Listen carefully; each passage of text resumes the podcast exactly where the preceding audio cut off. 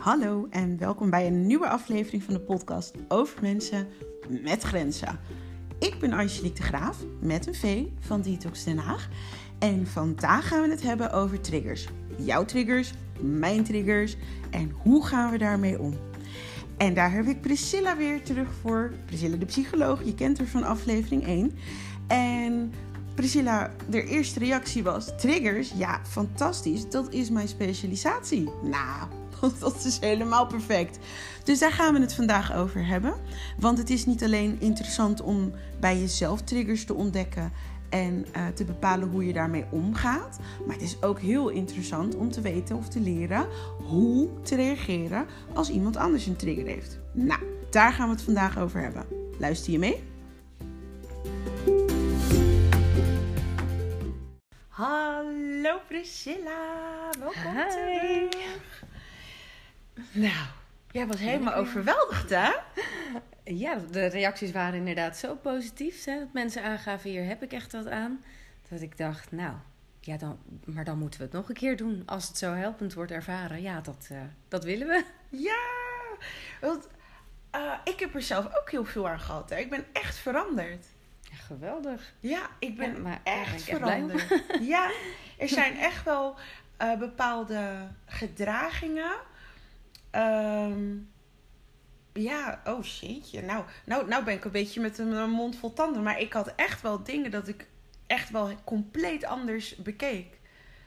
Ehm, ja, de, de, je doet het zelf was Ja. vooral een, eh, een grote. En ik had bijvoorbeeld echt wel ook wat aan eh, het voorbeeld wat jij gaf van... joh, maar ja, als de prijs iedere keer omhoog gaat en ze piept niet... Ja, Dat was voor mij wel van, oh ja, maar dat is, dat is inderdaad mijn rode vlaggetje geweest. nou, ik ben altijd op zoek naar waar heb je zelf invloed op en waarom niet, waarop niet. Hè? Want ja, gewoon niet alles in het leven wat er gebeurt heb je invloed op. Was het maar waar. Dat is gewoon niet zo. En om daar dan al je energie eh, aan te besteden terwijl je juist daar geen invloed op hebt, vind ik zonde. Kijk liever naar waar kan ik wel wat mee, waar kan ik invloed op hebben. En dat ben je toch echt zelf. Dat zijn je eigen gedachten, je eigen gevoelens, je eigen gedrag. Het gedrag van anderen kunnen we helaas gewoon niet zo 1, 2, 3 veranderen. Ja, ja, alleen ik zag dat rode vlaggetje niet. Nee. Het Ik had dat- toch wel bij had- eh, bewustwording. Ja, en, maar ik had dus niet gezien dat dat dus inderdaad, eh, dat de, ja, eh, het gedrag veranderde door, doordat er dus steeds meer geld werd gevraagd. Ja. Dat had ik dus niet Nee. door. Maar goed, dat was Iedereen heeft blinde vlekken. Ja, dat ja, dat hoort ook helemaal bij onze ontwikkeling. Ja, ja, nee, maar mooi ik, om te ik wil je er wel voor bedanken. Heel ik heb er gedaan. echt veel aan gehad. En ehm, nou, heel veel eh, podcastluisteraars hebben er ook ontzettend veel aan gehad. Ja. Ehm, en eh, één ding waar ik ontzettend van baalde, was dat ik eh, begon om iets te zeggen. Hè, van, eh, we hadden het dus over dat ik getriggerd was door die 80-20. Ja. Ik heb je ook gebeld hè, daarna. Ja, ja, ja, ja, ja, dat weet ik nog. Ja, ja. En, en waar ik dus van baalde, wat ik niet had gezegd voor mijn gevoel, was dat, ehm, dat die 80 dus hier zit. Ja, absoluut. Ja, maar het is, het is die 80 die dus eigenlijk eh, hier komt met fysieke en mentale klachten. Ja. Waar ik, ja, Dus dat had ik vorige ja, keer niet ja, gezegd. Ja, ja, nee. Oh, daarom ik 50-50. Nou, mooi, zo'n vervolgpodcast. Ik had ook een heleboel dingen waarvan ik dacht, oh, dat had ik ook nog wel kunnen meegeven. Dus wie weet komt dat vandaag nog. Nou, Waar ik heel, eh, waar heel goed, eh, waar veel mensen wel wat over zeiden. Ik weet niet of jij dat had gezien, was dat altijd en nooit, die altijd Ja, en nooit opmerking. Nou ja, ik was blij dat je daarin nog even vroeg, kan je dat concreet maken? Want ja, zoals ik ook wel in die podcast zei, sommige dingen zijn voor jezelf zo logisch en voor anderen niet. Die hebben weer een andere logica of hè, andere kennis. Andere... Dus nou ja, blijf dat vooral ook nu doen. Laten we vooral de vertaalslag maken naar wat kunnen mensen ermee, hoe kan je er wat mee. Moet vooral helpend zijn. Ja, ja het, was echt, het was het echt en ik denk dit keer ook wel weer. Nou, ik ben benieuwd. Vandaag gaan we het hebben over triggers. En, ehm, want wat mij dus opviel, hè, ik had de checklist grenzen begin van dit jaar gemaakt. En ehm, al snel kwam het naar voren dat op het moment dat jij dus je grenzen leert aangeven en aanvoelen, dat je te maken krijgt met triggers. Want hè, je Mhm. doet ineens iets anders en daar geeft eh, iemand ook een reactie op. Mhm. En ineens word je ook geconfronteerd met je eigen triggers. Want Ja. jij wilde een bepaalde reactie vermijden. Dat is waarom je misschien over je grens liet gaan. Mhm. Ehm, dus zo kwam de checklist triggers eigenlijk om de hoek kijken. Ja, ik denk dat triggers, als ik even mag zeggen, ik denk dat triggers zijn er altijd voor iedereen op iedere leeftijd in elke ontwikkelingsfase. Welk soort triggers er zijn, hoe je getriggerd wordt, hoe je daarop reageert, uh, hoeveel controle je erop hebt over, uh, over jouw gedrag, hè, of hoe jij reageert op die trigger, daar hebben we allemaal controle over. Maar we worden getriggerd altijd, overal. Uh, zelfs een baby die net geboren is en niet kan praten, wordt ook getriggerd. Door bijvoorbeeld als je fel licht boven hem aanzet, zal dit ook onprettig vinden en getriggerd worden door dat licht. Hè, dat als een stress, stresspunt ervaren en beginnen te huilen. Om maar even aan te geven, hè, triggers zijn er gewoon altijd voor iedereen. Dat is misschien wel handig om mee te beginnen. Alleen zodra je een veranderproces doorgaat, dan ben je er ineens ook heel erg van bewust. En dan ga je letten op die triggers en dan ga je bewust dingen anders proberen te doen op momenten dat je het anders op een automatische manier had gedaan. Dus het kost energie. En daardoor ben je er ook meer van bewust. Want je, het is echt een thema waar je dan mee worstelt. Maar wat is een trigger? Nou, ik denk dat, dat iedereen dat op een net wat andere manier zal beschrijven. Maar ik denk even op een heel makkelijke manier. Is een trigger vooral um, iets wat wordt aangeraakt. Iets uit het verleden dat pijn doet. En dat pijn doen, hè, dat kan een nare herinnering zijn of een gevoel van uh, uh, dat er vaardigheden ontbraken op dat moment om met die uh, negatieve emotie te kunnen omgaan. Dat zie je bijvoorbeeld bij kindjes die op jonge leeftijd een dierbare verliezen. Het, de, dan ben je nog gewoon nog niet daar dat je daar goed mee om kan gaan. Dat is zoiets heftigs. Um, dat je er ook maar zo goed mogelijk mee omgaat. Hè, of het een plek geeft of het parkeert. Ergens in een doosje stopt met een deksel erop ver diep achterin een kast hè, opgestapeld uh, met allemaal dozen erbovenop. Om daar liefst niet meer aan te denken. Want dat is het makkelijkste vaak. Gewoon doen alsof het er niet is. Een beetje ja, als een struisvogel. Gewoon je kop in het zand steken. Dat is niet altijd een bewuste keuze. Maar soms moet je ook gewoon overleven. En als je niet weet hoe je er doorheen moet gaan, dan gaan veel mensen er omheen. Ja, en nog heel even één aanvulling daarop. Um, ik zeg, je wordt dus een negatieve emotie wordt getriggerd, of een negatief gevoel wordt getriggerd. Dat kan bewust of onbewust gebeuren. Soms is het ook een negatieve herinnering die ineens omhoog komt. Dat zit in je hoofd, daar ben je bewust van dat dat er ergens zit. Soms um, wordt er pijn getriggerd dat in je lichaam ergens zit. Bijvoorbeeld iets, een trauma dat je hebt meegemaakt heel lang geleden, laten we zeggen, even makkelijk voorbeeld, toen je nog niet kon praten je hebt dat wel meegemaakt. Die pijn, dat verdriet, die teleurstelling, wat het ook was voor heftigheid, zit wel ergens in je lichaam. En soms wordt er ook, reageert dus jouw lichaam ook op een trigger. En terwijl je eigenlijk zelf niet eens in je hoofd niet eens goed snapte waarom. Dan gaan we naar de luisteraarvraag. Oeh, spannende. Ja. Ik kreeg de vraag: um, hoe kom je los van hardnekkige oude patronen? Zonder hier nou een volledige cognitieve gedragstherapie stappenplan hierop los te laten, begint eigenlijk iedere gedragsverandering altijd bij bewustwording. Daar waar je je niet bewust bent van dat je ergens onder lijdt, daar ben je ook niet uh, bereid om te veranderen. Want dat komt niet in je hoofd op. Want nou ja, dat is wie je bent, dat werkt. Dat, waarom zou je iets veranderen dat werkt? Dus het begint wel bij lijdensdruk, bij voelen, eh, beseffen dat je een probleem hebt. Of beseffen dat je iets anders wil dan hoe het nu gaat. Of dat je ehm, nou, meer energie wil, minder lichamelijke klachten wil, minder wil piekeren. Wat het dan ook is, begint wel bij dat te erkennen. Dat je het anders wil. Ja, maar dat hè, je, je blijft dan denk ik steeds toch datzelfde gedrag vertonen. Mhm. Ondanks je misschien weet dat het niet goed voor jou of je lichaam is. Ja. Hoe kan je daar dan? Ja. Nou, het begint dus bij bewustwording, mhm. maar dan daarna. Hè? Wat dan? Want je moet zo denken dat het gedrag dat we hebben eigen gemaakt, dat hebben aangeleerd, een soort actie-reactie. Uh, er gebeurt iets en je reageert op eenzelfde manier. Of je handelt op eenzelfde manier hoe je het altijd doet. Dat zijn ook gewoon gedragspatronen die ingesleten zijn in, in onze hersenen. Zijn die paden, je moet het een beetje zien als paden die ingesleten worden. Um, en als je maar vaak genoeg over een bepaald pad loopt, ga je duidelijk zien dat er een pad komt. En kijk, denk maar in het bos. Als je daar steeds over een stukje uh, groen loopt, op een gegeven moment wordt dat vanzelf een pad. Maar aan het begin is dat er nog niet. Als je dat heel lang doet, wordt dat pad steeds dieper. Om dan uit dat pad te komen, om ineens te denken: ik wil niet meer zo lopen, ik wil eigenlijk op een andere, ik wil een andere weg inslaan. Dat kost energie, want je moet eerst daar soort van uitklimmen uit dat automatische, hè, dat pad, zeg maar, dat automatische pad wat je automatisch neemt.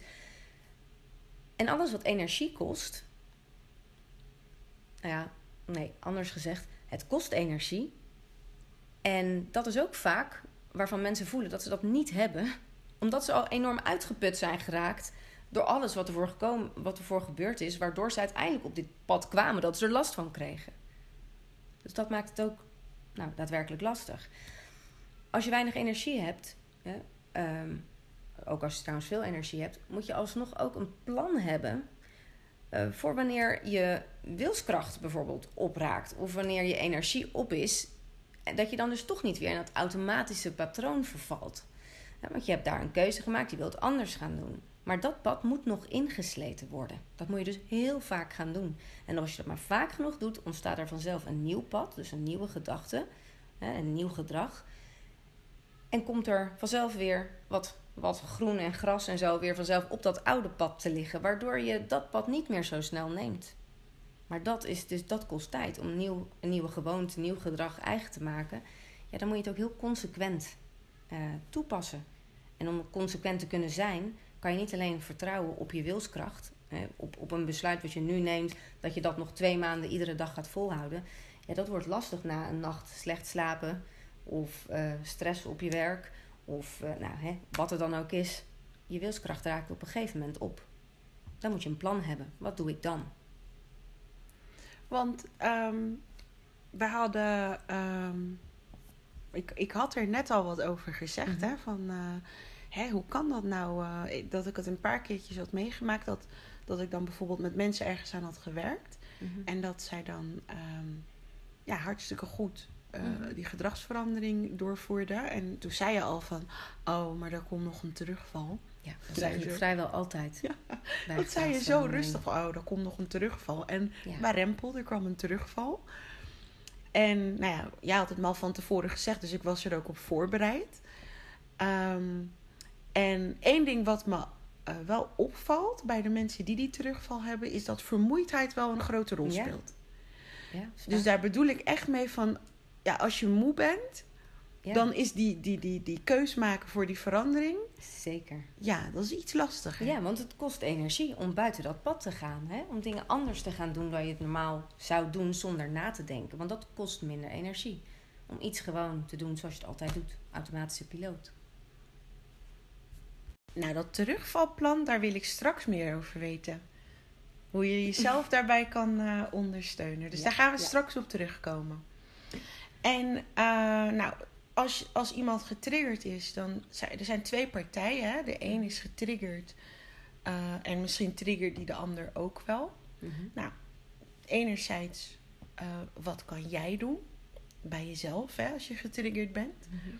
En anderzijds, hoe kan je reageren als iemand anders getriggerd is?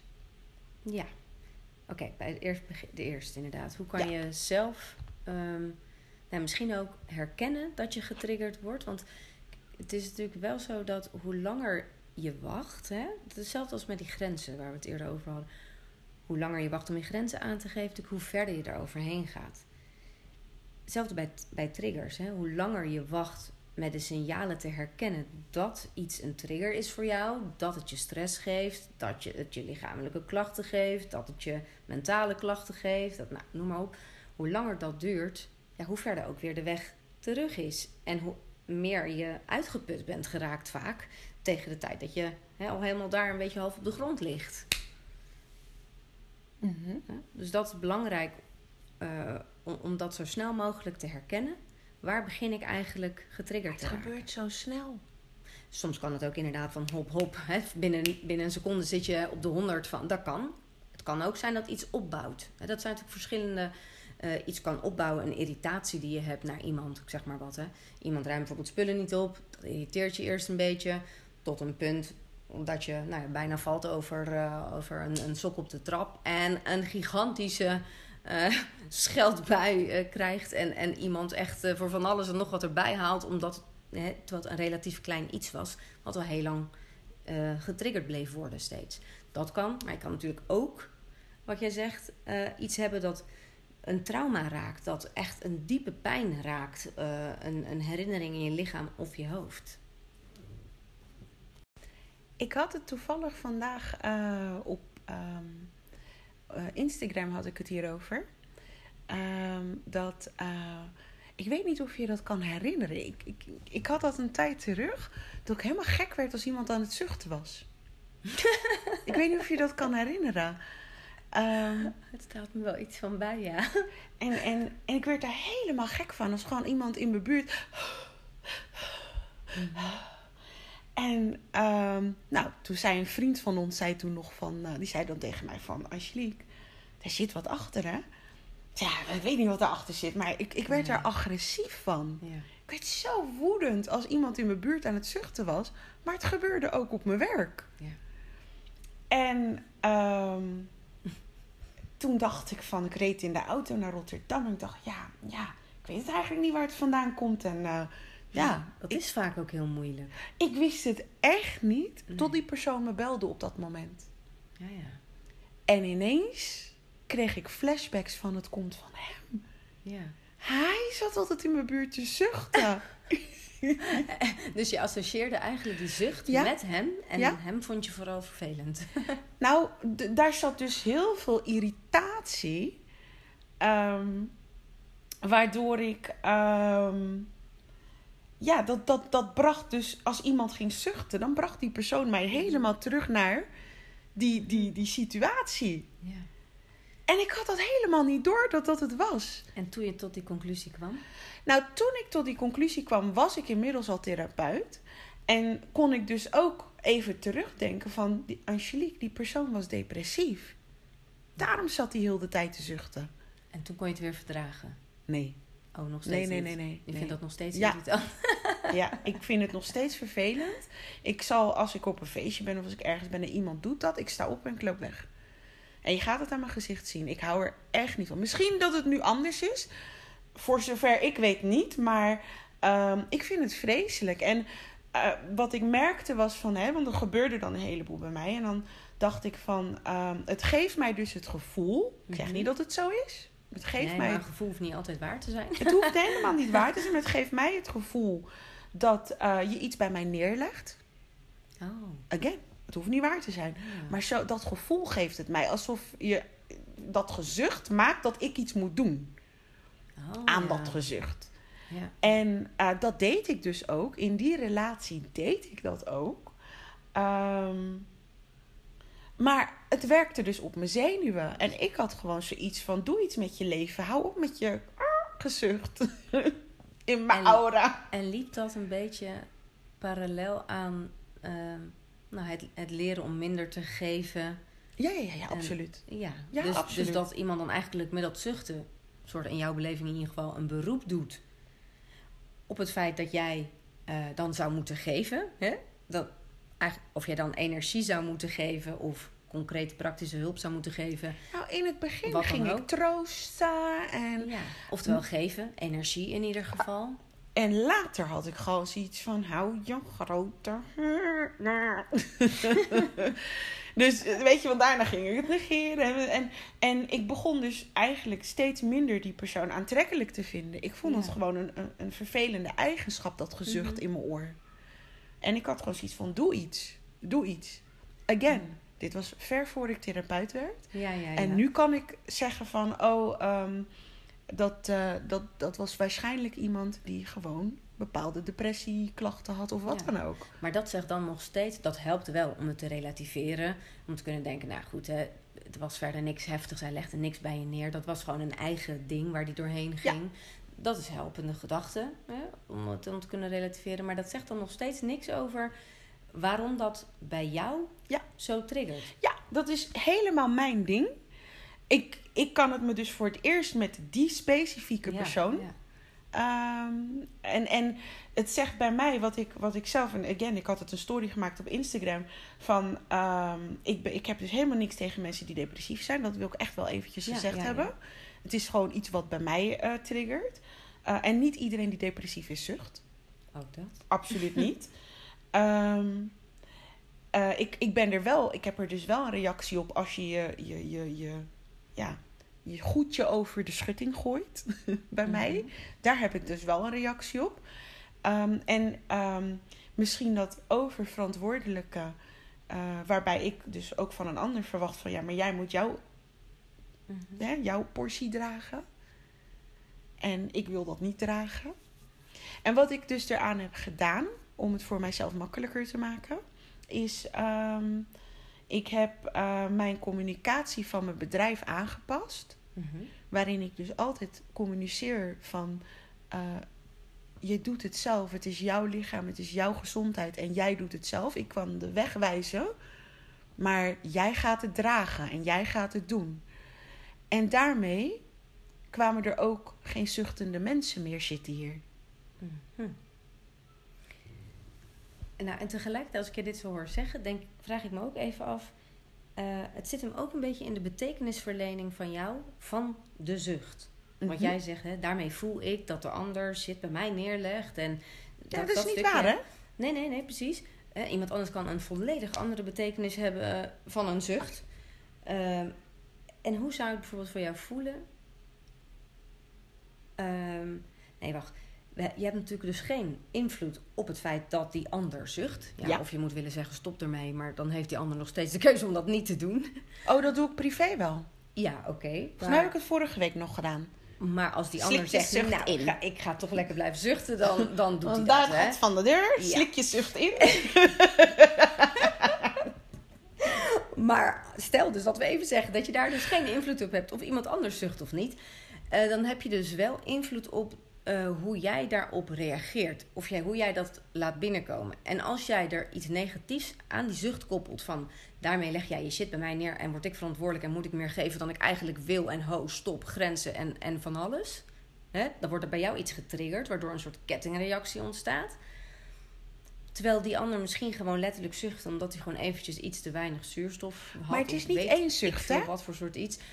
Maar het kan iets heel kleins zijn. Hè? Waar, wat, iets volledig anders aan de hand zijn. Waar je dus wel invloed op hebt, is de gedachte die jij, dus de betekenis die jij koppelt aan die zucht. De gedachte die jij hebt bij die zucht. Want als jij daar niet zou voelen, nou wat je nu voelt. Maar als je daar bijvoorbeeld zou voelen, hmm, je zal vast een zware dag hebben gehad. Wat vervelend voor je. Of zoiets. Hè? Het gaat even niet om wat je denkt, maar het gaat erom dat dat een helpende gedachte is. Stel dat je dat zou kunnen voelen. Of zou kunnen denken. Wat zou je dan voelen? Als je gewoon zou denken, ach, je zal wel een zware dag hebben gehad. Wat vervelend voor je. Volgt er dan ook de hele kettingreactie aan? Oh, irritant deze zucht en stop en blijf daar. Ik vind dat een hele goede vraag. Ehm, ik, ehm, het, het- en dat is wat ik bedoel met het gaat heel snel. Mhm. Het gaat heel snel, want het, het hoeven maar een paar zuchten te zijn. En eh, je ziet mijn ogen al die beweging maken. Dus je hebt geen tolerantie. Nee, nee, nee, nee. Zucht in je mond. Maar heb je dat altijd gehad? Nee, nee, nee. Het Nee. komt echt na die ene persoon. Ja, ja, ja. Ja. Dus, ehm, en ik zat net te denken van, ehm, bijvoorbeeld, ik heb het dus niet bij iedereen. Er is schijnbaar een zucht die je kan doen die me niets doet. Mhm, mhm, En er is een zucht die voor mijn gevoel dan zeg maar het bij mij neerlegt. mhm. Er is een verschil in de zucht. Kan heel goed. Het kan ook zijn, hangt ook samen misschien met de relatie tot die persoon. Dat als je iemand, eh, als je een wat moeizamere relatie met iemand hebt, dan zal je ook misschien automatisch eh, wat heftigers of negatievers koppelen aan die zucht. Of als, als iemand Nee, wat negatiever is, dat ik je daardoor... weet het. Als iemand zucht en het bij zichzelf houdt, Ja, dan doet het me niks. Maar als het een zucht is en waarschijnlijk zullen er woorden aan gekoppeld zijn die dan zeg maar mhm. mij ehm, belasten. En li- wellicht ook allerlei non-verbale signalen, lichaamshoudingen, van alles waar je iets uit opmaakt Van iemand houdt het bij zichzelf of legt het bij mij neer. Ja. Ja. Ja, want ik kan me ook situaties herinneren dat er gezucht werd en dat het me niet stoorde. Het is echt een zucht gecombineerd met iets wat bij mij neergelegd wordt. ja, voor jouw gevoel. Of misschien ook een zucht en een zielige blik. Ja, ja, ja. Maar daar zit het hem dus in dat je geen invloed hebt op dat gedrag van de ander of een gebeurtenis of iets. Daar heb je gewoon vaak geen invloed op. Wel op de gedachte die jij zelf hebt. Als dat een negatieve gedachte is, zou je ook een negatief gevoel eraan koppelen. En zou je vervolgens ook daarnaar handelen. Dus je gedrag wordt ook eh, nou, passend bij dat negatieve gevoel. Waar de ander weer op zou reageren. Ook weer op een manier die weer past bij jouw negatieve eh, gedrag daarbij. En je gevoel daarbij. En je negatieve gedachten daarbij. Dus het zit Self-fulfilling prophecy. Ja, het zit hem dus bij gevoel of bij gedachten. Zodra jij dus die negatieve gedachten weet om te buigen naar iets neutraals, of zelfs iets positiefs, dat zou helemaal top zijn, maar neutraal is ook al voldoende. Dan volgt er ook dus een neutraal gevoel en een neutraal gedrag en Maak een neutraal concreet. gevolg. Maak hem concreet voor me. Ehm, even denken. Als, nou, zullen we bij je zucht blijven? Dat is misschien ja, wel handig, toch? Ja. Ja. Eh, nu denk je bij die zucht... "Pff, Wat irritant. Ja, pff, waar moet je dit bij mij neerleggen? Ik heb er helemaal geen zin in. Je gevoel is wellicht direct een soort weerstand en, en, en irritatie. Misschien een beetje boosheid. Misschien wat je daar ook aan... In ieder geval wat negatieve emoties die je daar ervaart. Eh, je gedrag wordt waarschijnlijk ook wat wrevelig geïrriteerd. Want dat is wat je voelt. Dus hè, Mhm. je zal daar of iets van zeggen... of eh, weglopen uit het gesprek. Of nou, wat het is. Maar het zal niet iets heel positiefs blij zijn. Hè? Mhm. Dat zal die persoon ook voelen en merken. Dus die Mhm. zal daar ook weer op reageren op een Mhm. negatieve manier. Hè? Waardoor je wellicht ruzie krijgt. Mhm. die persoon vindt, waarom reageer je zo? Je hoeft niet zo te reageren, want hè, zo. Ga weer terug naar diezelfde zucht even aan het begin. Dat was de gebeurtenis waar je geen controle over had. Dan komt die gedachte waar je dus wel controle op hebt.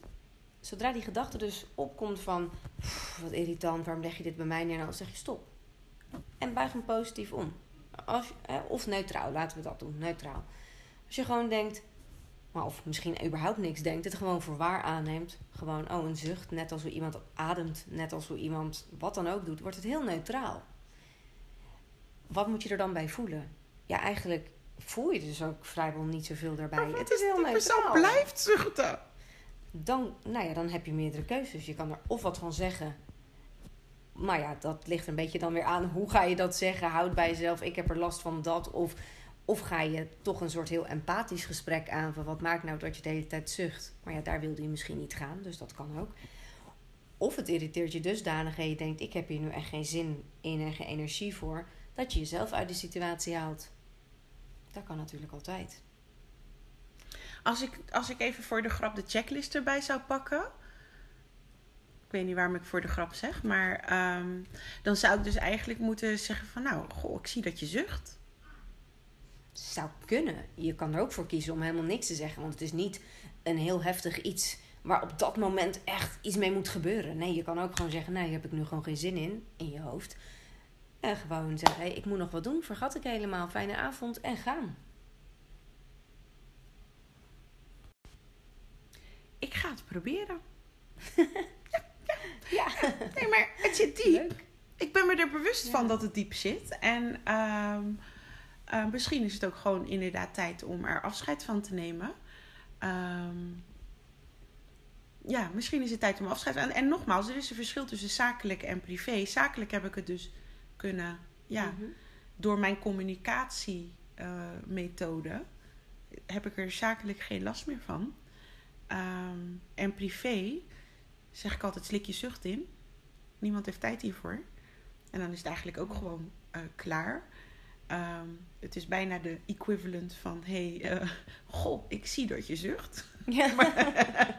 Maar dan de privéversie. Het is zaterdagavond, hou je mond. Het kan trouwens ook nog zijn dat je zegt, goh, ik zie dat je zucht. En dat iemand zegt, oh, echt waar?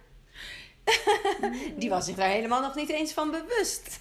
Het zou kunnen. Ik ga erop letten, want het is. Hè, en, en, en dat is eh, bijvoorbeeld een van de dingen die ik zelf eh, wel vaak gewoon zeg: van. eh, het is niet alsof ik niet doorheb dat ik getriggerd raak.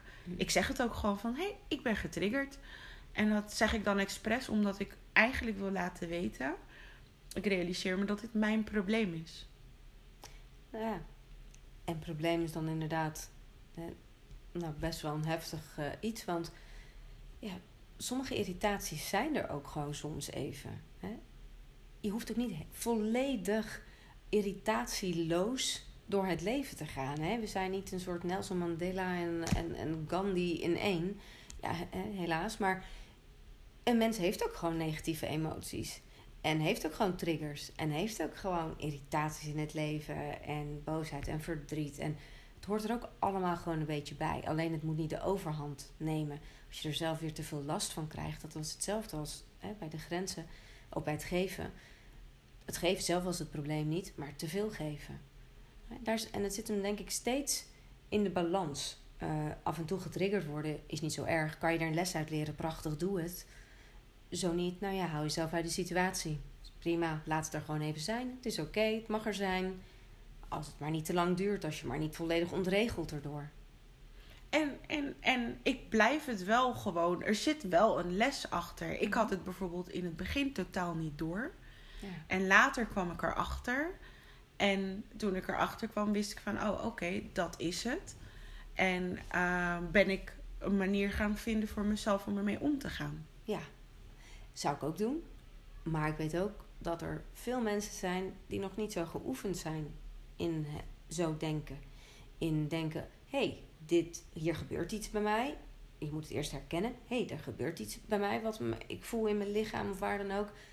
Ah, waarom gebeurt dat? Wat kan ik ermee? Wat zal ik ermee? Dat, dat is ook reflecteren op je gevoel, op je gedachten. En dat is ook een kwestie van oefenen. Hoe vaker je dat doet, hoe meer dat ook normaal wordt om te zoeken wat kan ik zelf hierin, wat doet dit met mij, dat soort vragen. Maar als je dat nog nooit gedaan hebt, is dat een hele een heel gekke vraag en dat is echt een heel nieuwe gedachte. Maar dat is denk ik ook wel weer het grootste verschil tussen de checklist triggers en de checklist grenzen.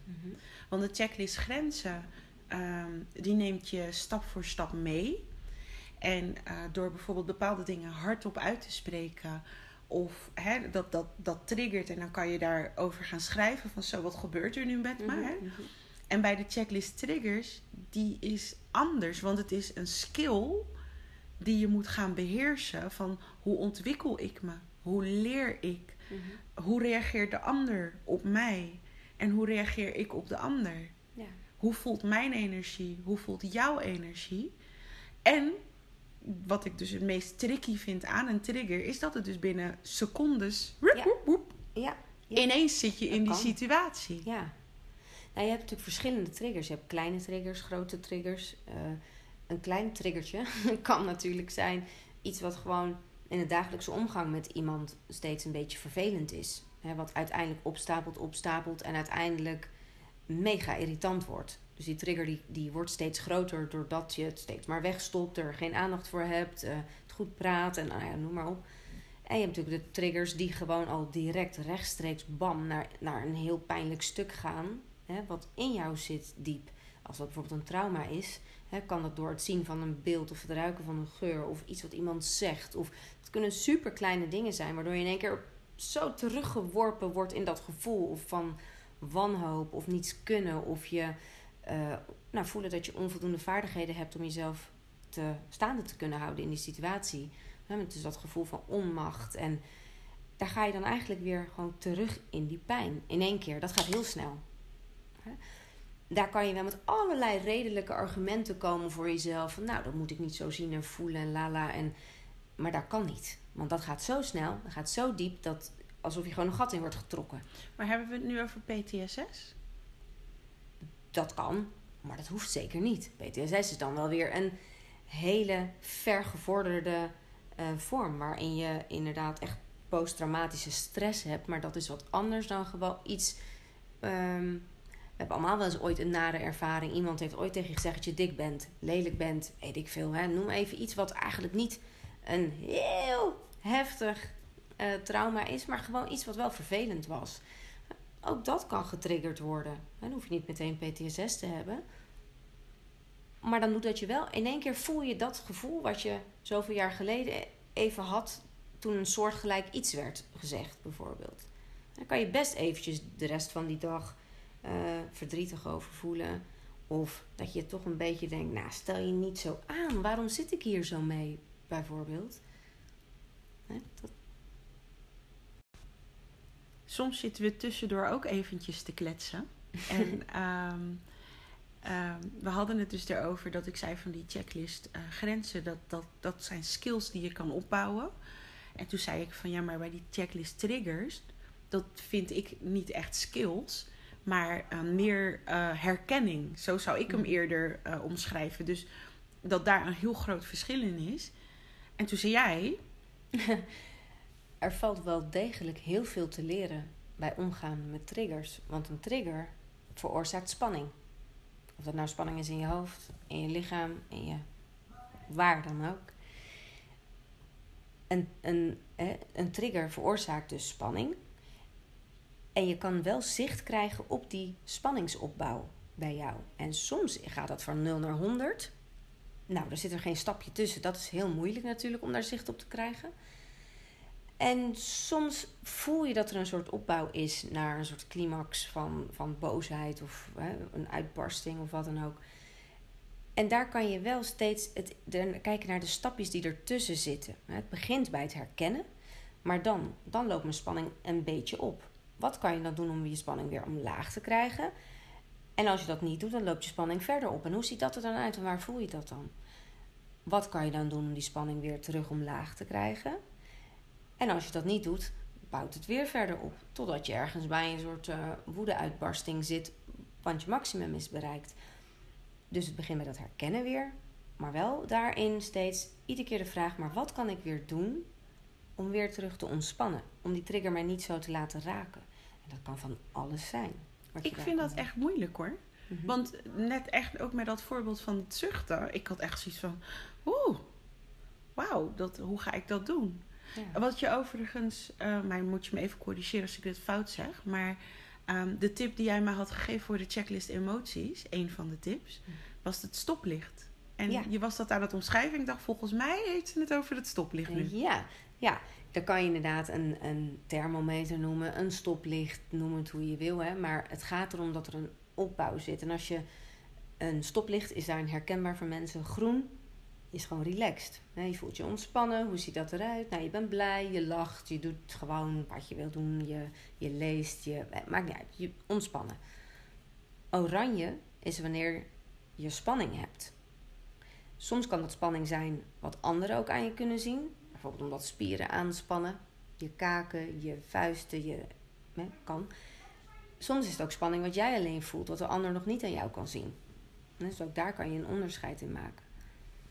En uiteindelijk kan je ook doorschieten naar rood. Nou, als je niks doet om die spanning van oranje weer terug te krijgen naar groen, heb je kans dat hij nog verder opbouwt naar rood. In rood, nou ja, zoals een stoplicht ook zeggen, is het echt stop. Hè? Daar kan je het beste jezelf even uh, pauze gunnen door jezelf uit die situatie te halen. Want je kan dan vaak niet meer redelijk nadenken. Precies. Wat nou als de ander uh, getriggerd is en dat op jou dus aan het afreageren is? Hè? Want dan zie je mhm. vaak die wijzende vinger. En um, nou, dat, dat is makkelijker als een vreemde dat doet dan als iemand. hè? Want iemand die jou goed kent, die, kan, die is daar heel goed in, want weet precies mhm. waar die jou mee kan pakken of waar die jou pijn mee kan doen als het een vreemde is, dan boeit het niet zo. Ik weet nog een keertje dat iemand mij zat te schreeuwen in de supermarkt tijdens COVID. Dus ik liep niet met een mondkapje, want ik kreeg daar uh, paniekaanvallen van. En op een gegeven moment dacht ik, wat doe ik toch? Waarom heb ik toch steeds paniekaanvallen in de Albert Heijn? Ja, dat is de enige plek waar dat ding draagt. Ja, ja. En toen ehm, droeg ik het dus niet meer. Maar dat was vlak voordat het uh, gestopt werd. En toen zat een man helemaal tegen mij te schreeuwen. Het was allemaal mijn schuld. Alles, alles was mijn schuld. En ik keek naar die man en ik zeg, ja, het spijt me meneer. het boeit me echt niet. Ja, sorry meneer, jij hebt gelijk, het spijt me. En ik loop gewoon door. Ik denk, ja, lekker, weet je. ik denk ook dat daar echt een groot verschil tussen zit. Ehm, wie is die ander? Als het inderdaad een vreemde is, nou ja, dan moet je er dan überhaupt iets mee. Ja, het is dan het probleem van die persoon die daar staat te schreeuwen. Je kan er ook voor kiezen om dat gewoon te negeren, weg te gaan en er verder niks mee te doen.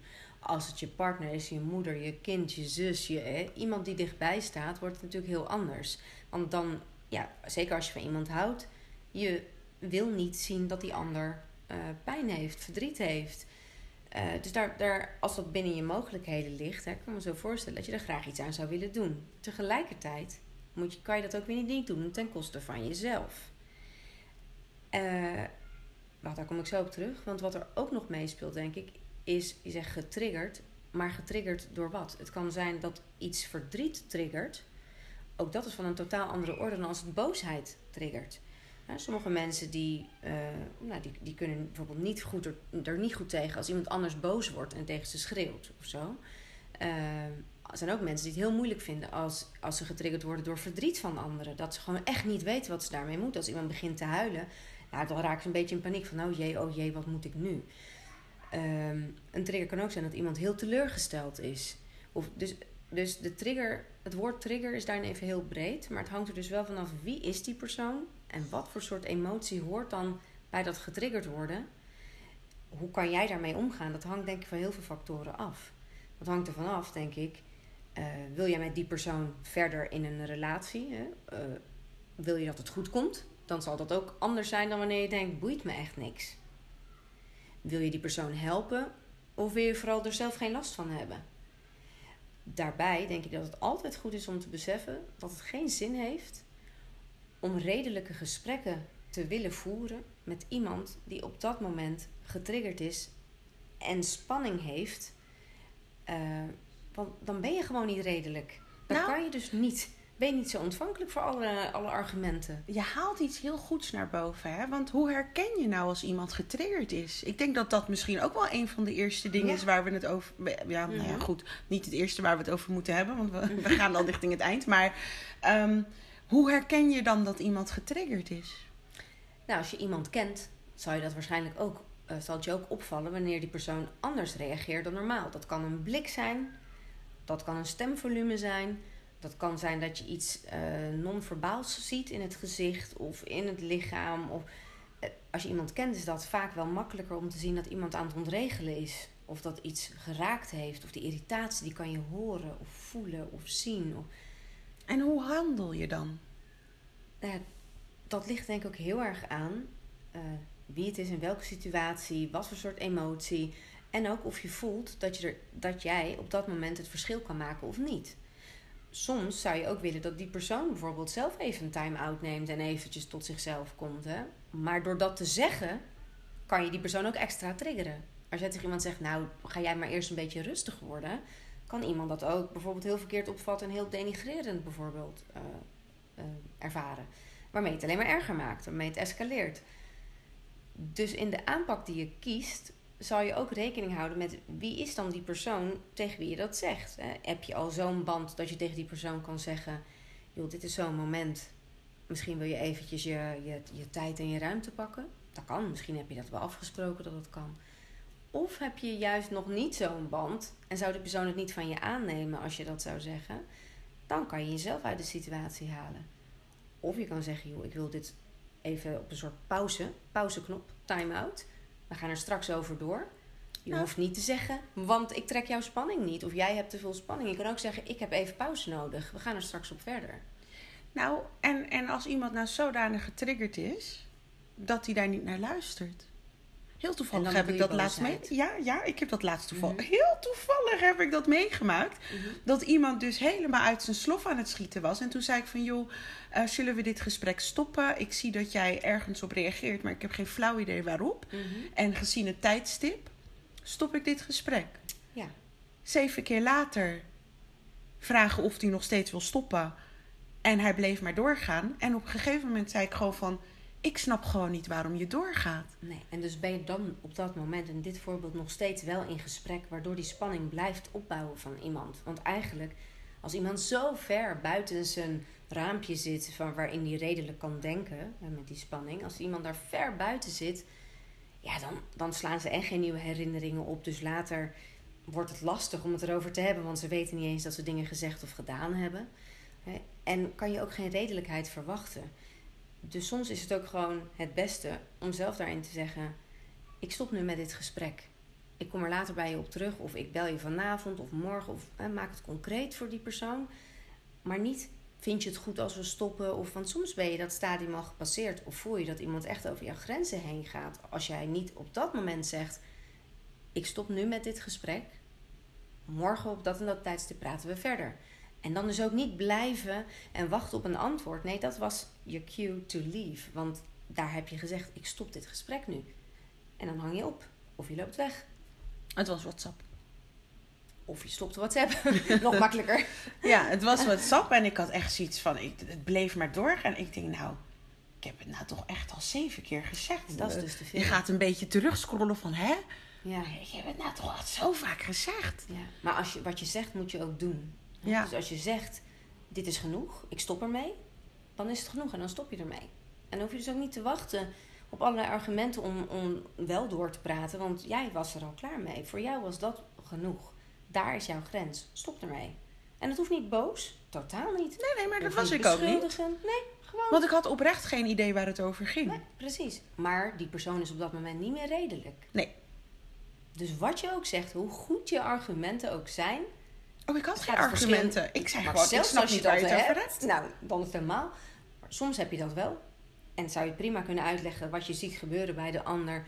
Maar dat is alleen maar olie op het vuur gooien. Dat heeft op dat moment geen zin. Dan kan je beter stoppen op dat moment en op een later moment erop terugkomen. Wanneer het gewoon rustig is. Van, joh, wat gebeurde daar nou? En, eh, nou, en daar het gesprek over voeren. Maar op dat moment, dat verwachten, dat heeft vaak geen zin. Dat escaleert. Ik heb weer een kijkersvraag. Of, nou ja, kijkers, luisteraarsvraag. Eh, wat als je triggers je kids en je man zijn? Nou, als ik dat hoor, denk ik in eerste instantie... Ik denk niet dat dat je kind en je man is. Het kan wel gedrag zijn van je kind en je man. Ik denk dat dat al een heel belangrijke ontkoppeling is... eh, die je daar moet maken voor jezelf. Want het is niet je man die je altijd in iedere situatie... met alles wat hij doet, zo irriteert. Nou ja, kan wel, maar dan zit je denk ik in een ander vraagstuk. Het is ook niet je kind Hè, wat je al, of je kind eh, irriteert je vast niet altijd op ieder moment van iedere dag. Dat zijn bepaalde gedragingen die jou triggeren. Hè? Of nou, in combinatie met een heleboel andere factoren van als je te weinig slaapt, heb je wat minder rek, kan je wat minder goed relativeren, nou ja, al dat soort dingen. Maar bepaald gedrag van iemand kan triggeren. Of bepaalde woorden of bepaalde. Dan is het denk ik goed om, er, om te gaan kijken naar wat is dan waarom triggert dat? Hè? Wat is dan de behoefte die jij hebt die daaronder ligt? Bijvoorbeeld iets wat ik vaak hoor, als je dan over je kind hebt.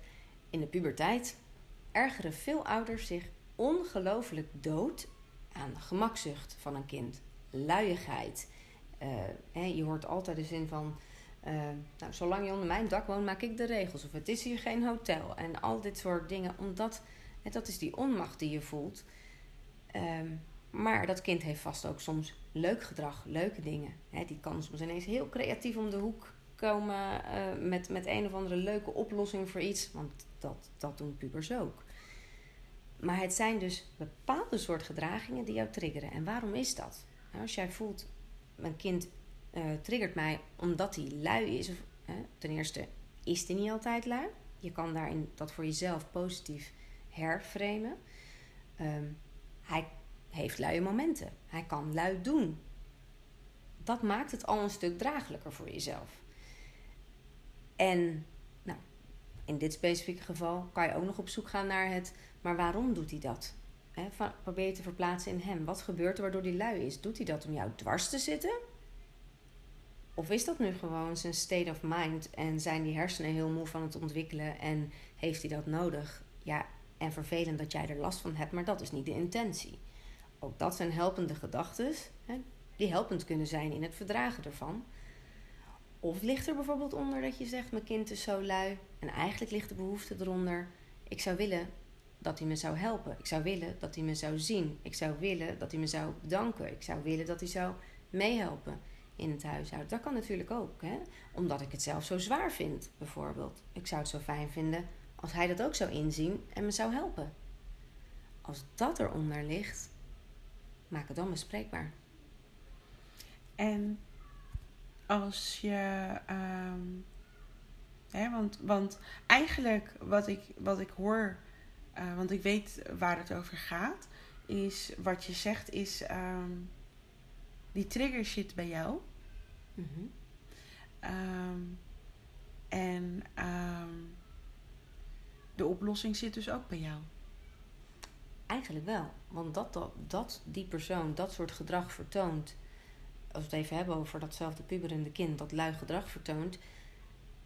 Daar kan je wellicht hè, met praten en met je wens uitspreken. En al kan je daar misschien best iets in veranderen. Maar tegelijkertijd is het ook een ontwikkelingsmoment, een ontwikkelingsfase waar zo'n kind doorheen moet. Waar je dus altijd wel een beetje last van zal, gaan, zal hebben. eh, maar in meer of in mindere mate. Maar hoeveel last je ervan hebt, daar heb je wel invloed op. Want jij kan dus met al dit soort helpende gedachten en positief herformuleren voor jezelf, kan je het gedrag minder groot en minder irritant maken. Waardoor je het beter kan verdragen. Als je meer aandacht geeft bijvoorbeeld aan de positieve eigenschappen, krijgt dat ook meer podium om te groeien. En nou, de irritante dingen worden dan al wat- kleiner en wat draaglijker. Ik denk dat het voor moeders ook nog eens extra ehm, lastig is om dit toe te geven. Mhm. Wat ik ook wel gewoon heel dapper vond. Hè? Want dit was in een groep toegegeven. Ja. Eh, omdat er een bepaalde verwachting van moeders is in de maatschappij. Ja. Ehm, en eh, natuurlijk wordt het gezinsleven altijd heel rooskleurig omschreven. En dan voel je je bijna gewoon een soort van eh, heks. Omdat je misschien wel niet hè, dankbaar genoeg bent of blij genoeg bent. Of, hè, maar je voelt je wel getriggerd. Je voelt Ja. je wel geïrriteerd. Of je voelt je wel zo. En dat zegt absoluut niets over de liefde die je wel hebt voor je kind. Dat wil niet zeggen dat zijn gedrag niet nog steeds ontzettend irritant kan zijn. Het gedrag van iemand is ook niet wie iemand is.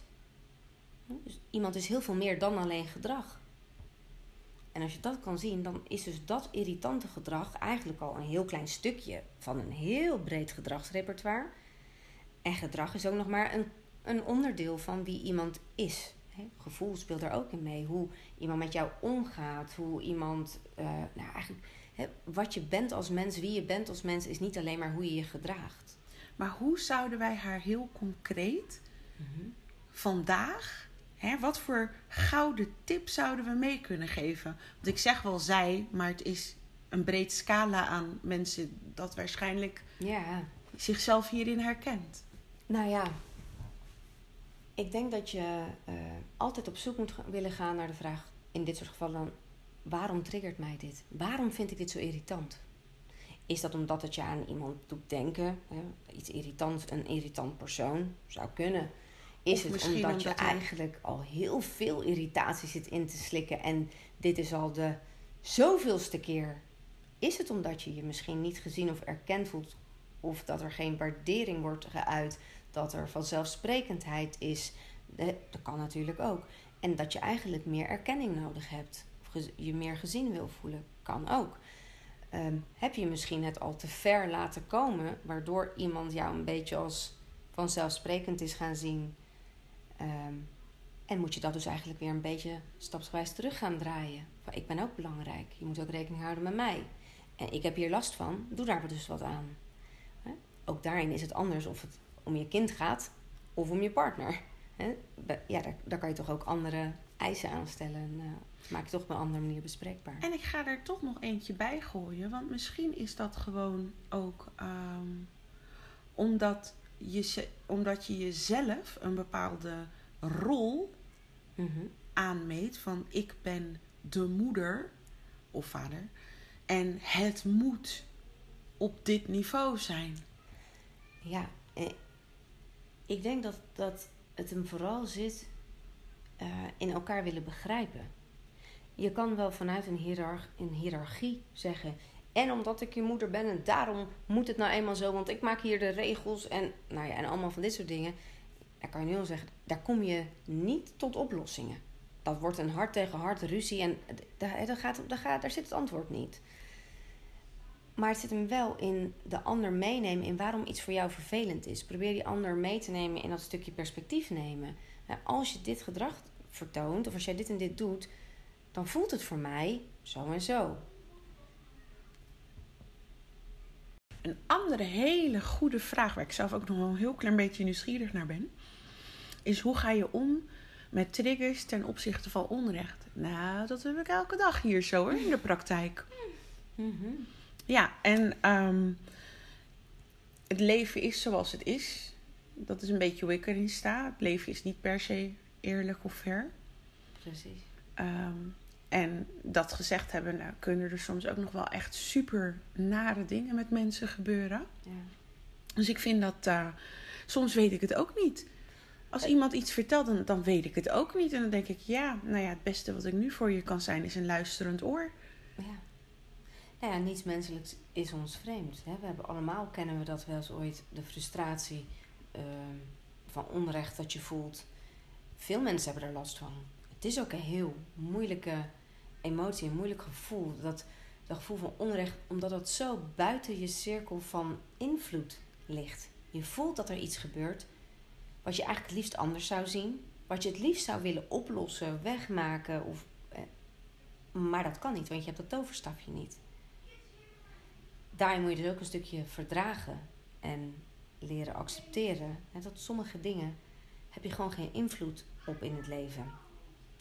Sommige dingen overkomen je. Denk bijvoorbeeld aan een overlijden, ziekte, eh, van mensen waar je van houdt, van jezelf. Daar heb je geen invloed op. Is dat eerlijk? Nee. Maar het leven is inderdaad niet eerlijk. Het hangt er ook vanaf. Ja, het hangt van zoveel dingen af. Voor hetzelfde geld had, had onze wieg niet in het westen gestaan, maar midden ergens in de oorlog. En, en waren we daar geboren. Is dat dan eerlijk? Nee. Maar is het dan eerlijk dat we hier geboren zijn? Ja, eigenlijk ook niet. Maar het leven is niet eerlijk. En heb die verwachting dus ook niet. Nou, ik zal hem, ik zal hem nog eventjes verder uh, lezen. Hè, dus uh, het voorbeeld wat zij geeft, iemand die uh, een bepaalde mening over jou heeft of een bepaalde gedachte die niet klopt. En al kan je het met feiten weerleggen, je snapt waar het vandaan komt, maar je kan die mening niet veranderen. Hoe laat je zo'n trigger los? Ja, snap, ik snap de vraag, goede vraag ik denk dat bijna iedereen hier wel ooit mee te maken krijgt.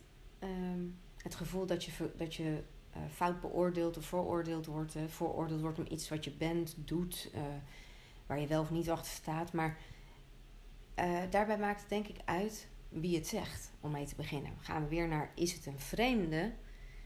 Zou je het in principe iets makkelijker moeten kunnen loslaten? Want maakt het echt uit wat die persoon vindt? Ja, hoe goed kent die persoon jou? Dus dus, dus dat wat hij vindt, die mening, is dus niet op feiten gebaseerd. Is niet, eh, daar kan je dat ook makkelijker loslaten over het algemeen. Hè? Is het iemand die dichter bij jou staat, dan wordt het wel vervelend als iemand een beeld van jou heeft wat jij zelf als heel negatief ervaart, waarvan je ook nog eens denkt dat dat niet klopt. Daar zit dus wel veel tussen. En, als, en ik denk dat deze vraag daarover gaat, over dat laatste.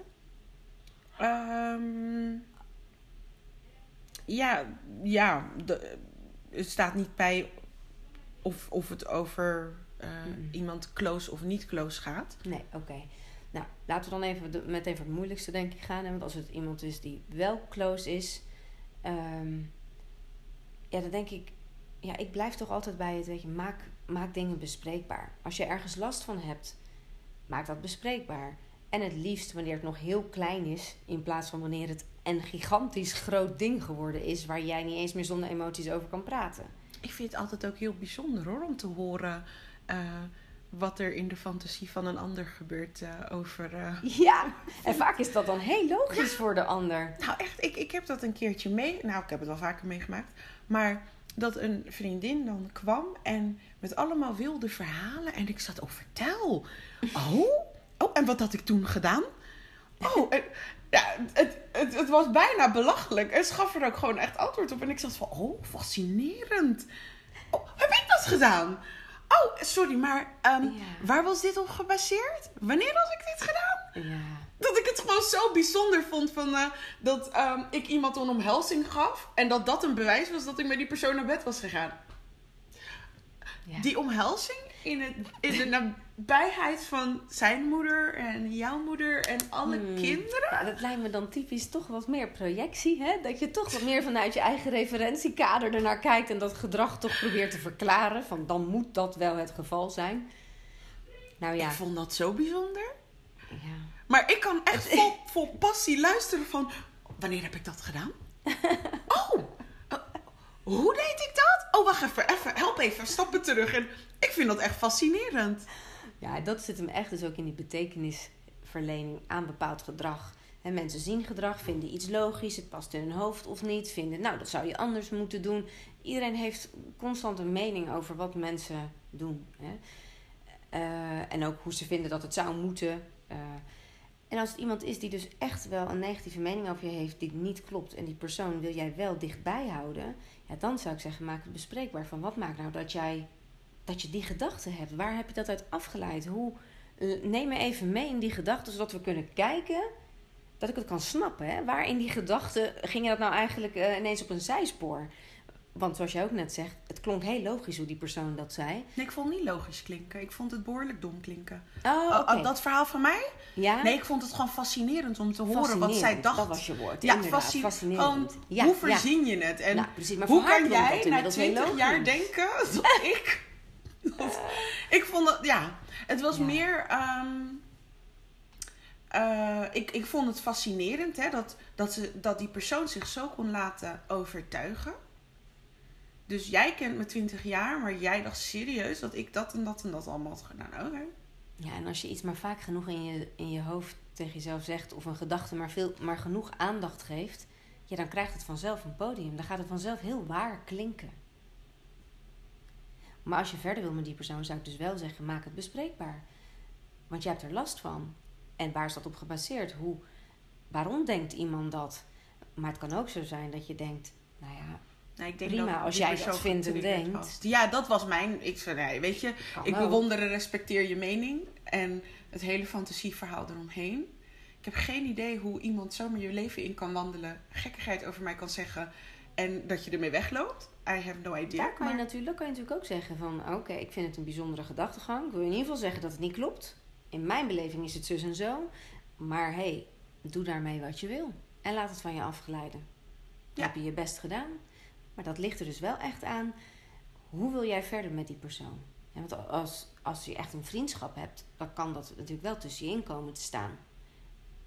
Als je ik weet dus niet of dat dan een vriendschap is. Nou, dus dat kan ook de conclusie zijn. Dat was mijn conclusie Ja. van ja, als er zomaar lukraak iemand langs kan lopen en gekkigheid kan zeggen. Ja, Dan is dat op zijn minst bijzonder dat iemand die jou dan al heel lang kent dat zomaar gelooft. dat vond ik ook wel bijzonder. En dat mag je dus best zeggen. Ik Ja, vind het ja. bijzonder dat. Ja. Ja. Heb ik ook gedaan. Maar eh eventjes terug naar... Hebben we hem nu goed eh, behandeld, die vraag? Eh, we raken er zo in. Hebben we... Ja, de- dus maar ik, de mening... Hè, eigenlijk, hoe laat je het los dat iemand anders een mening over je heeft? Je kan het dus loslaten doordat je het hebt opgelost, bespreekbaar hebt gemaakt. Jij hebt gezegd wat jij wilde zeggen en daarmee is het voor jou klaar. Ik denk ook niet Of dat je het het moet doen als klaar? iemand getriggerd is. Nee, dat sowieso nooit. Dat inderdaad, tenminste als je het gesprek erover aan wil gaan, dan heeft dat nooit zin om dat te doen wanneer iemand hoog in spanning zit. Want die persoon luistert niet, die kan dat ook niet. Als je zelf in een crisissituatie zit, ja, dan, dan kan je niet ondertussen luisteren naar eh, zinvol advies. We lopen zo uit. Oh ja? Maar we, ja, we- gaan, we gaan richting het einde.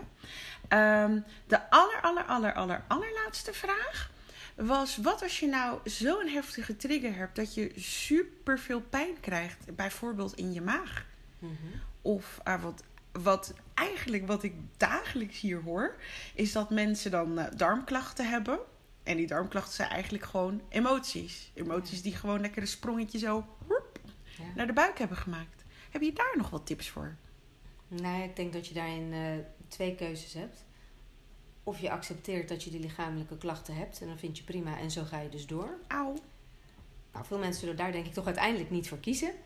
Dus Als je tot die conclusie komt van maar zo wil ik niet door, ik kan deze lichamelijke klachten niet accepteren, dan is het zaak dat je de kern van die klachten gaat onderzoeken. Waar komt dat door? Maar dat is moeilijk, hè, Pris? Dat is heel moeilijk en dat hoef je ook niet alleen te doen.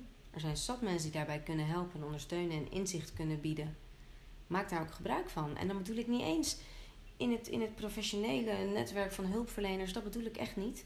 Maar vaak mensen die jou goed kennen, familie, vrienden, die kunnen je vaak al heel veel informatie geven over hoe zij jou, eh, jou waarnemen, eh, wat zij zien gebeuren, patronen die zij bij jou denken te herkennen. Want zij kijken er toch vanuit een heel ander perspectief naar. Als je je daarvoor openstelt, kan je ook al verwonderen over de tips die je krijgt of hè, de observaties. Weet je dat eh, ik, ik bijna niet geloof in PDS, prikkelbaar darmsyndroom? Ik geloof er bijna niet meer in of een spastische darm of zo. Ik geloof er bijna niet meer in. Vanwege de emoties die er eigenlijk Ja. altijd onder liggen. Ja, Dat zou heel goed kunnen, daar durf ik niks over te zeggen. nee, dat, is dat snap ik. Dat ik. bij Ik- jou. Ik durf het wel. Ik durf het wel. Ik heb wel een tip daarvoor. Je zou eigenlijk eens gewoon op je bed moeten gaan liggen. Nou, je moet niks. Maar je, ga eens op je bed liggen. Plaats je handen op je buik. En ehm, ga dan met je ogen dicht. eh, ademen naar de warmte van je hand. Geef dat gebied aandacht. En kijk eens wat er dan naar boven komt. En wat er gebeurt. Het zou zomaar zo kunnen zijn dat ineens dat gebied aandacht krijgt en die emoties naar boven mogen komen. En dat je nu wel op een punt in je leven bent waarop je ze zou kunnen verwerken. Mhm. Laat me ook weten hoe dat is gegaan. En laat de emotie er in dat geval ook zijn. Als Absoluut. er boosheid komt, dan is dat er. Als er verdriet komt, dan is dat er. Het mag er zijn. En daardoor krijgt de emotie de ruimte. En kan je er ook doorheen. En kan je de emotie ook afmaken. Kan je ook hè, alles tot in het diepst voelen. En jezelf er ook weer uittrekken. En het vooral loslaten. En het daarna loslaten. En hopelijk dan geen lichamelijke klachten meer hebben uiteindelijk. Ik geloof zelf erin dat, dat hè, je bewandelt een pad naar een klacht. Mhm. En je bewandelt datzelfde pad weer terug. En terwijl je dat pad terug bewandelt, krijg je dus diezelfde obstakels weer. Mhm. eh, ja, die komen weer boven. Alleen nu kan je ze verwerken. Je hebt ze misschien in, op de heenweg heb je ze even weggestopt, omdat je dat op dat moment niet Nee. kon handelen. En dat is ook waarom ik altijd waarschuw bij eh, de detoxbehandeling. Mhm. Ehm, want als het gaat herstellen, dan kan je dus. oude emoties en trauma's kunnen weer naar boven komen. Ik zeg altijd zo, bij gedragsverandering wordt het bijna altijd eerst moeilijker voordat het makkelijker wordt. Dat is een mooie. Toch? Priscilla, heb jij naast de checklist, Mhm. hè, want dat, dat is dan echt je handleiding waar je gebruik van kan maken om echt gewoon heel goed dit onder controle te krijgen en om, nou ja, voor zover dat mogelijk is, maar dat je in ieder geval begrijpt van dit is mijn ontwikkelproces, dit is mijn leerproces en eh, zo komt het dat een trigger eh, ja, ineens het kan overnemen of eh, zo kan ik ermee omgaan. Dat staat natuurlijk allemaal in die checklist. Maar heb je daarnaast nog een tip? Nou, moest even nadenken, want we hebben volgens mij heel veel dingen tussendoor besproken. Ik denk nog wel dat het ehm, misschien handig is om steeds te blijven bedenken: is dit mijn spanning of is dit spanning van iemand anders? Zeker waar het gaat in relatie tot anderen, bedoel ik dan. Hè? Met je kind, je man, je, je, nou, iemand die dichtbij je staat, kunnen we vaak de spanning ook echt voelen. Zodra de ander getriggerd is, gaan we daar helemaal in mee en voelen we dat bijna als zijn onze eigen spanning. Ehm, en dat is niet erg, dat is ook heel mooi. Dat is ook empathie en dat inlevingsvermogen is natuurlijk prachtig. Maar bewaak daarin steeds wel die grens. Van helpen is mooi, helpen moet je zeker willen, maar niet ten koste van jezelf. Soms heb je zelf ook even geen energie of rek meer. Zorg dat dat dan eerst weer eh, op niveau komt voordat je de ander weer kan helpen. Soms kan het ook helpen dus om die time-out eh, even te nemen. Voor jezelf kan dat helpen. En voor de ander om eventjes weer, zodat de ander weer redelijk kan worden, zeg maar. En, tot rust kan komen. Dat er niks gezegd wordt wat vervolgens pijn kan doen en tussen jullie in kan staan en uitgesproken moet worden. En ook dat je daarin zelf je zelfbeheersing zo kan behouden. Hè, door eventjes een soort pauzeknop in te drukken. Vind ik zelf altijd wel een fijne gedachte. Gewoon pauze. Even pauze. Ehm, nou, helpende gedachten, daar hebben we het tussendoor al wel over gehad. Maar dat vind ik wel een hele belangrijke. Eh, je, eh, een negatieve gedachte, probeer die steeds om te buigen naar iets neutraals of iets positiefs. Hè? Desnoods, al, al is het de levensles die je eruit kan halen, kan leren. Ja, het doet pijn en dat is heel vervelend en heel zwaar. Maar het is ook een mooie levensles die je eruit kan halen. Maar wel alleen als je hem leert. Op die manier kan je het ook positief ombuigen.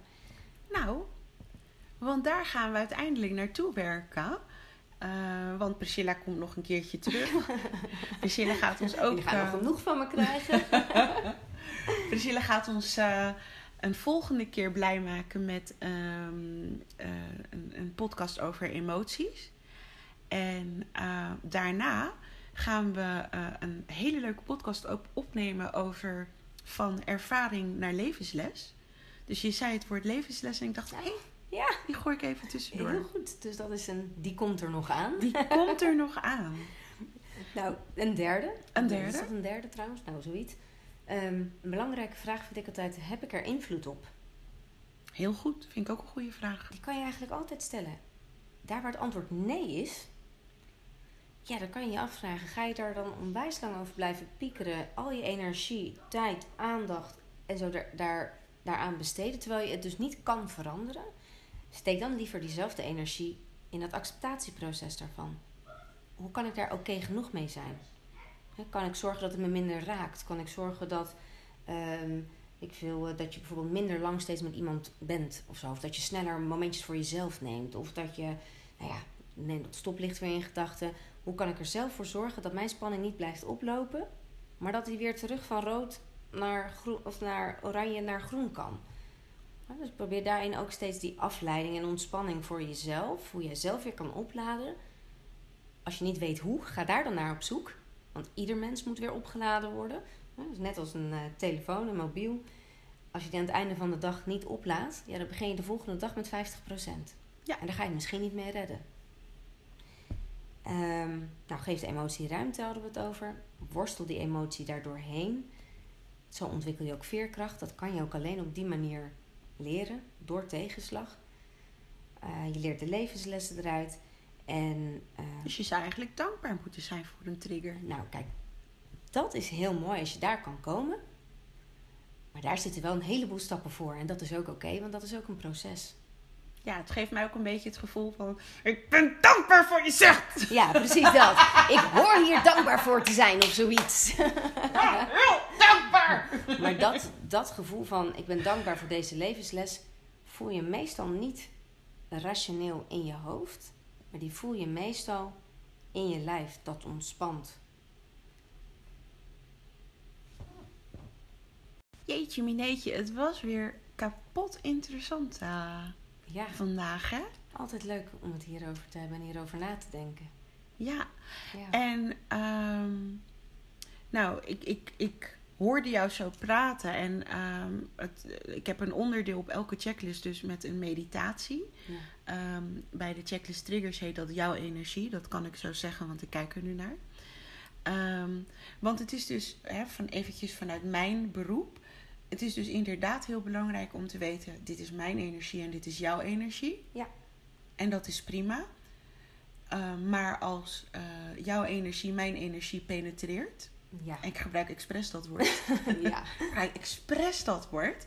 Want da daar heb ik zelf ook controle over. Ja, daar, daar kan ik een beslissing in nemen. Ja, ja, Of ik het wel of niet laat binnenkomen. Precies. En uh, vooral bij triggers door uh, objectief te benoemen, uh, ja, zo zie ik het dan ook eventjes voor me, plaats ik je buiten mijn energieveld, want ik spiegel en ik zeg eigenlijk voor jou, ik heb het niet opgevangen. Ja, je kan het gevoel van de ander prima erkennen zonder het over te nemen. Ja. Ik vind het heel vervelend voor jou om te zien dat je daar zo mee worstelt. Ik wil je heel graag daarbij helpen als je dat wil. Maar blijf steeds voelen en, en onthouden. Maar het is niet van mij. Het is van de ander.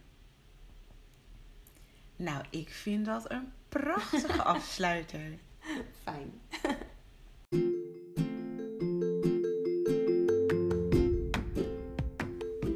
De tijd vliegt voorbij. Maar het is ook zo interessant. Ik heb er weer enorm van genoten. Ehm, mocht jij hulp willen bij jouw triggers, zoals ik al eerder heb aangegeven, heb ik een, uh, een, een, handleiding voor, hè, de checklist triggers. Uh, het is nu alleen als setje verkrijgbaar als grenzen, triggers en emoties, omdat het gewoon allemaal aan elkaar verbonden is en het dus niet logisch is als ze niet uh, samen gebruikt worden. Um, en daarmee leer je over jouw triggers en over het omgaan met de triggers van een ander, maar ook wat nou precies zo'n trigger is en hoe jij jouw leerproces uh, in kan zetten. Het is echt gewoon een must-have. Vooral omdat je dan lekker verder kan met je zelfontwikkeling. En uh, dat vind je op shop.detoxnaag.nl. En ik zie jou de volgende keer graag weer terug.